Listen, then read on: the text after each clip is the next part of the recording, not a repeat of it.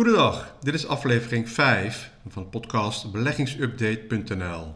Mijn naam is Joost Bors. Nou, vandaag uh, ga ik weer wat uh, bedrijfsnieuws bespreken van een paar grote jongens uit Amerika, zoals Amazon en Alphabet, de moeder van uh, Google. En voor de rest zit de hele week het, het shortgaan van aandelen GameStop en het spel eromheen het nieuws bepaalt. Alle ook Nederlandse kranten schreven erover. Ik zal op het eind kort de theorie van short gaan bespreken en wat uh, andere voorbeelden uit het verleden. het beurssentiment is nog steeds uh, positief, de eerste week van februari. De beleggers haalden opgelucht adem nadat de problemen met de shortposities bleken mee te vallen. Men was een week geleden toch bezorgd dat het een sneeuwbaleffect kon hebben en de meerdere partijen financieel geholpen zouden moeten worden. En ook zilver werd genoemd als mogelijke volgende kandidaat. Maar na een 10% stijging op maandag zakte de koers de rest van de week wel weer terug. Nou, GameStop, nou, daar eh, zijn wat restricties ingesteld door de financiële partijen op het kopen van nieuwe aandelen. Verkopen was natuurlijk altijd wel toegestaan. Eh, maar bijvoorbeeld de restrictie op aankopen, je mocht bijvoorbeeld maar één aandeel GameStop kopen. En later werd het uitgebreid naar 10 en naar 100. Maar door eh, die restricties zakte de koers van het aandeel de laatste drie dagen met circa 70% terug. Dat is natuurlijk nooit de bedoeling dat het aandeel ook zo lang zo hoog zal kunnen blijven, want fundamenteel heeft dit aandeel weinig waarde. Maar door de restricties kregen de hedge funds wel de gelegenheid om posities in te dekken en hun verliezen te beperken. Maar vraag je hoezo uh, vrije marktwerking, hoezo vrije wereld? Ja, GameStop zal in ieder geval bij menigeen weer de als-dan verhalen losmaken. Ja, vroeger zat je met vrienden in de kroeg. Hè. Vroeger waren, hadden we kroegen, maar met corona zijn er geen kroegen meer. Toen te praten over de gemiste kansen op de beurs. Dat was een heerlijke tijd. Ja, ik heb te vroeg gekocht, te laat verkocht, te vroeg verkocht, te snel winst genomen. En had ik maar en als, als, als. Maar iedereen kent dat wel. Succes- en verliesverhalen. Heerlijke onderwerpen om met vrienden over te praten. Nou, economische cijfers. Voor Europa waren de volgende cijfers van belang. Waar de inkoopmanagers index voor de dienstensector. En die daalde van 49,1 in december naar 47,8 in januari. En maandag bleek al dat de inkoopmanagers voor de industrie daalden van 55,2 in december naar 54,8 in januari. Daarmee kwam de samengestelde index voor Europa uit op 47,8 en dit was eind december nog 49,1.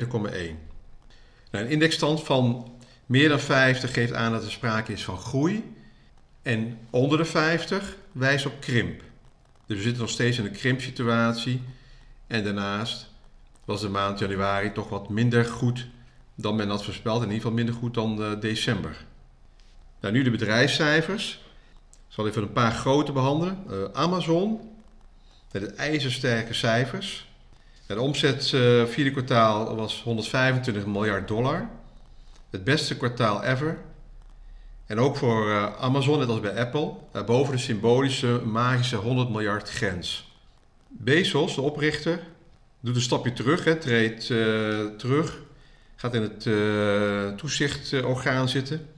En Andy Jassy, is ook al sinds de start in 1997 in dienst, wordt de nieuwe CEO. Nou, Amazons uh, super vierde kwartaal werd deels gedreven door wat het bedrijf noemde een recordberekende, uh, door de recordberekende feestdagen, waarmee het meer dan een miljard producten geleverd heeft aan kopers wereldwijd. Amazon is, is wel mede dankzij Jesse de laatste jaren van ouderwets boekenverkoper veranderd naar een technologische grootmacht. Amazon controleert met zijn cloud-infrastructuur 33% van de wereldwijde cloud-opslagdienstverlening. En gevolgd door Microsoft op 18% en Google op 9%. Cloud en andere technologische diensten van Amazon bepalen circa 40% van de kwartaalwinst. En nu de andere grootmacht, Alphabet. Dat is de moeder van Google. Alphabets omzet groeide 23% op jaarbasis in het kwartaal. Dat is een sterkere groei dan het vierde kwartaal van vorig jaar. Dat kwam uit op 17%. En toont aan dat de advertentieinkomsten, dus het reclamebedrijf van Google, zich goed herstelt na een afvlakking door corona in het tweede kwartaal van 2020. Alves is onder andere ook actief in de cloud business. En daarna zijn ze eigenaar van YouTube. En blijkbaar doe je tegenwoordig als technologisch gigant niet mee als je geen cloud dienstverlening kan aanbieden. Vorige week zei ik al dat de cijfers van Intel en IBM achterbleven omdat ze te weinig in dienstverlening zitten en nog te veel in de hardware. Maar hebben, misschien zit iedereen nu wel in de cloud. Hè? Google, Oracle, Amazon, IBM, Apple, Microsoft. Het wordt zo wel heel erg druk in de wolken. Waarschijnlijk heb jij dat ook, maar ik word ook steeds gestalkt door Apple op je mobiel. Omdat je voor 1 euro per maand meer cloudopslag kan aanschaffen. Nou, ik heb het niet nodig, maar je ziet gewoon hoe ze proberen heel veel abonnementen te slijten. Want dat blijkt natuurlijk altijd weer terugkomen. Maar blijkbaar is er wel behoefte aan, want alle partijen zien hierin een nieuwe dienstverlening waar meer aan verdiend wordt dan aan de hardware. Simpel abonnementen blijven maar doorlopen. Ja, meestal afgesloten blijf je uit luiheid er gewoon aan vastzitten. Nou, mocht je het interessant vinden, cloud computing, je kan via indextrekkers beleggen in de cloud sector. En vraag maar even aan je adviseur. Een voorbeeld is bijvoorbeeld de Wisdom Tree Cloud Computing, een ETF. Kijk er maar naar en eh, doe eerst je onderzoek. Misschien dat Ahold als eigenaar van Bol.com, maar ook moet gaan omschakelen naar clouddienstverlening. Bol is nog steeds niet winstgevend, of marginaal winstgevend, eigenlijk helemaal niet winstgevend. Als je met deze corona-voordeelsituatie nog geen winst kan maken online, dan stop er maar mee. Dan gaat het niks meer worden, Bol. Een ander onderwerp, een hele andere sector wat vaak niet naar gekeken wordt, zijn de luxury goods in Europa. Ik heb het verhaal uit de Bloomberg gelezen. Ja, verleden week stond daar een verhaal over dat de, de luxe goederensector binnen Europa. Vaak wordt deze sector wel overgeslagen, terwijl op basis van marktwaardes een belangrijke plaats innemen. Wat bijvoorbeeld voor de Amerikanen de technologie sector is met een werelddominantie, dan heeft Europa de sector luxury goods als wereldleiders. De luxury goods sector zitten dan bedrijven als Louis Vuitton, Hermes en Kering. En Kering ja, dat ken je dan als van Yves Saint Laurent, Gucci, uh, horloges, sieraden en, en andere kledingmerken. In ieder geval allemaal in het hogere luxe segment. De laatste maanden zijn de aandelen toch weer uh, fors opgelopen. Het komt toch door het herstel in Azië, vooral China, die veel eerder de economie hebben geopend dan de rest van de wereld. En de Chinezen zijn weer fors aan het inkopen geslagen. En dan vooral het hogere segment. En daar profiteren dit soort bedrijven van. En vermogende particulieren kunnen het geld niet kwijt in restaurants of op vakantie. Dus kopen ze maar luxe goederen, dure tassen en horloges. Luxury goods aandelen hebben gemiddeld een, wel een hoge koers-winstverhouding, zo rond de 35. Dus er mogen niet al te veel tegenvallers komen en de groei moet na vaccinatie wel doorzetten. Bedenk er wel aan, deze sector, dus Louis Vuitton en Hermes, klinkt van ja, dat is allemaal leuk, zo'n tasje. Maar de uh, beurswaarde van uh, Louis Vuitton is zelfs iets hoger dan dat van ASML. En dat is het grootste bedrijf van de AX-index. Nou, GameStop en de hedge funds. En al het nieuws omtrent short selling. Nou, short selling is al een hele oude beleggingsstrategie. Eigenlijk waarbij je aandelen verkoopt die je niet bezit en speculeert op daling van de koers, waardoor je op termijn de aandelen tegen lagere koers terug kan kopen. De aandelen die dus short gaat, moet je wel lenen, omdat de koper graag zijn aandelen wenst te hebben. Dit wordt allemaal door een uh, clearing of een uh, financiële instelling geregeld. Want een koper en een verkoper moeten wel zorgen dat ze geld en aandelen uh, uitwisselen. Maar dit lenen van aandelen is een lucratieve bezigheid waar vele banken en pensioenfondsen aan meedoen. Voor de uitgeleende aandelen krijg je namelijk een vergoeding. Nou, deze strategie wordt veel gebruikt door professionele handelshuizen, hedge funds en derivatenhandelaren. Het is een uh, hele lang oud bestaande strategie en iedere partij heeft een andere doelstelling met, met deze strategie. En dat is hier iets te uitgebreid om uh, hierop verder op in te gaan. Maar ja, wat ik wel vind, winstkansen zijn gelimiteerd tot nul. Hè. Een aandeel gaat van 50 naar 0, dan houdt het op. Gaat niet onder de 0. Maar de risico's zijn theoretisch oneindig. Dat zie je bij GameStop. Die kan short zitten op 20 dollar en het terug moeten kopen op 350 dollar. Het risico is als het al aandeel stijgt, moet je steeds meer zekerheid stellen. Short squeeze is dan het gedwongen tegen steeds hogere prijzen iets terugkopen. Als je meer wenst, als je meer wenst te weten waarom ze dit short gaan doen, dan uh, google dan maar.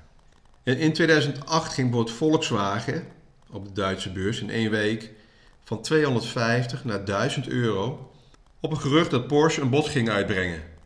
En hedgefunds aandelen terugkochten die ze short stonden. Maar een week later was het aandeel weer zo'n 70% gedaald. Er zijn diverse verhalen over shortselling. Er is een documentaire, die kon je nog op Netflix kijken. Betting on Zero. Het is een film uit 2016. Dat gaat over de strijd van hedgefund manager Bill Ackman met zijn eh, bedrijfsnaam Pershing Square Capital tegen het aandeel, aandeel Herbalife. Dit is een afslankmarketingmachine en die staat op de beurs in Amerika genoteerd. Hij ging deze aandelen short in de verwachting dat zijn visie van een faillissement uit zou komen. Hij vindt Herbalife, een multilevel marketing oplichting, het grootste piramidespel in de wereld. Uiteindelijk verliest hij de strijd na zeven jaar. En wikkelt hij zijn shortpositie af en neemt een verlies van 1 miljard dollar. De koers van Herbalife bleef namelijk maar stijgen. En mede namelijk ook door het kopen van een andere hedgefund manager, Carl Icahn, die een hekel had aan deze jonge Bill Ackman en hem dus een lesje wilde leren.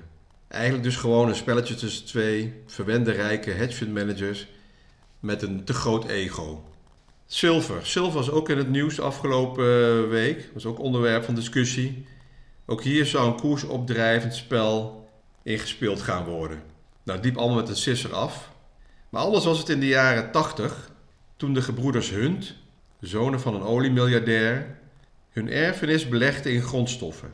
Zij waren er heilig van overtuigd dat er een stijging van inflatie zou komen. En zilver was een belangrijk onderdeel in hun uh, spel, in hun beleggingsstrategie. En samen met bevriende uh, oliedollars uit het Midden-Oosten kochten zij alle wereldvoorraden zilver in 1979 op via de termijnmarkt. In ieder geval alle termijncontracten die ze konden krijgen, probeerden ze te kopen. De koers steeg van uh, eh, 6 naar 50 dollar per ounce. En zij bezaten in 1980 circa een derde van de wereldvoorraad. Maar dit was ook met geleend geld gekocht. Dus hier moesten ook zekerheden tegenover gezet worden. Nu hadden de Hunt Brothers natuurlijk vanwege hun uh, oliemiljarden nogal wat uh, krediet bij banken.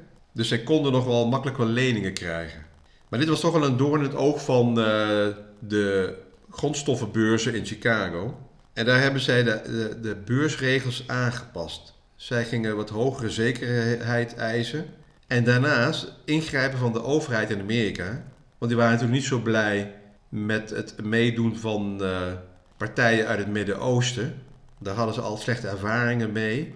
Met de oliecrisis in het begin van de jaren 70. Dus door het eh, ingrijpen van de overheid en strengere beursregels werden de Huntbrothers toch genoodzaakt eh, wat meer zekerheid te stellen. En wat, dat hadden ze dus in ieder geval niet voorzien. En de koers van zilver zakte in vier dagen tijd met zo'n 50%. Waardoor uh, gedwongen werden steeds meer bezit te verpanden en zilver te verkopen. Uiteindelijk leden zij een aanzienlijk miljardenverlies. En het duurde tien jaar voordat alle rechtszaken waren afgehandeld. Nou, je er toch nog zo'n 500 miljoen eh, dollar over, dachten die twee broers. Daar hoef je geen meelijden mee te hebben. Dus hier ook een voorbeeld van beleggen met eh, geleend geld, beleggen met krediet. En beleggen met krediet leidt vaak tot verdriet. Nou, dank voor het luisteren. alles is weer op persoonlijke titel en eigen waarnemingen. Het is geen beleggingsadvies. En opmerken kan je altijd mailen naar info.beleggingsupdate.nl. Nou, en tot de, de volgende week, waar we weer wat spannende beursverhalen zullen bespreken. Dag!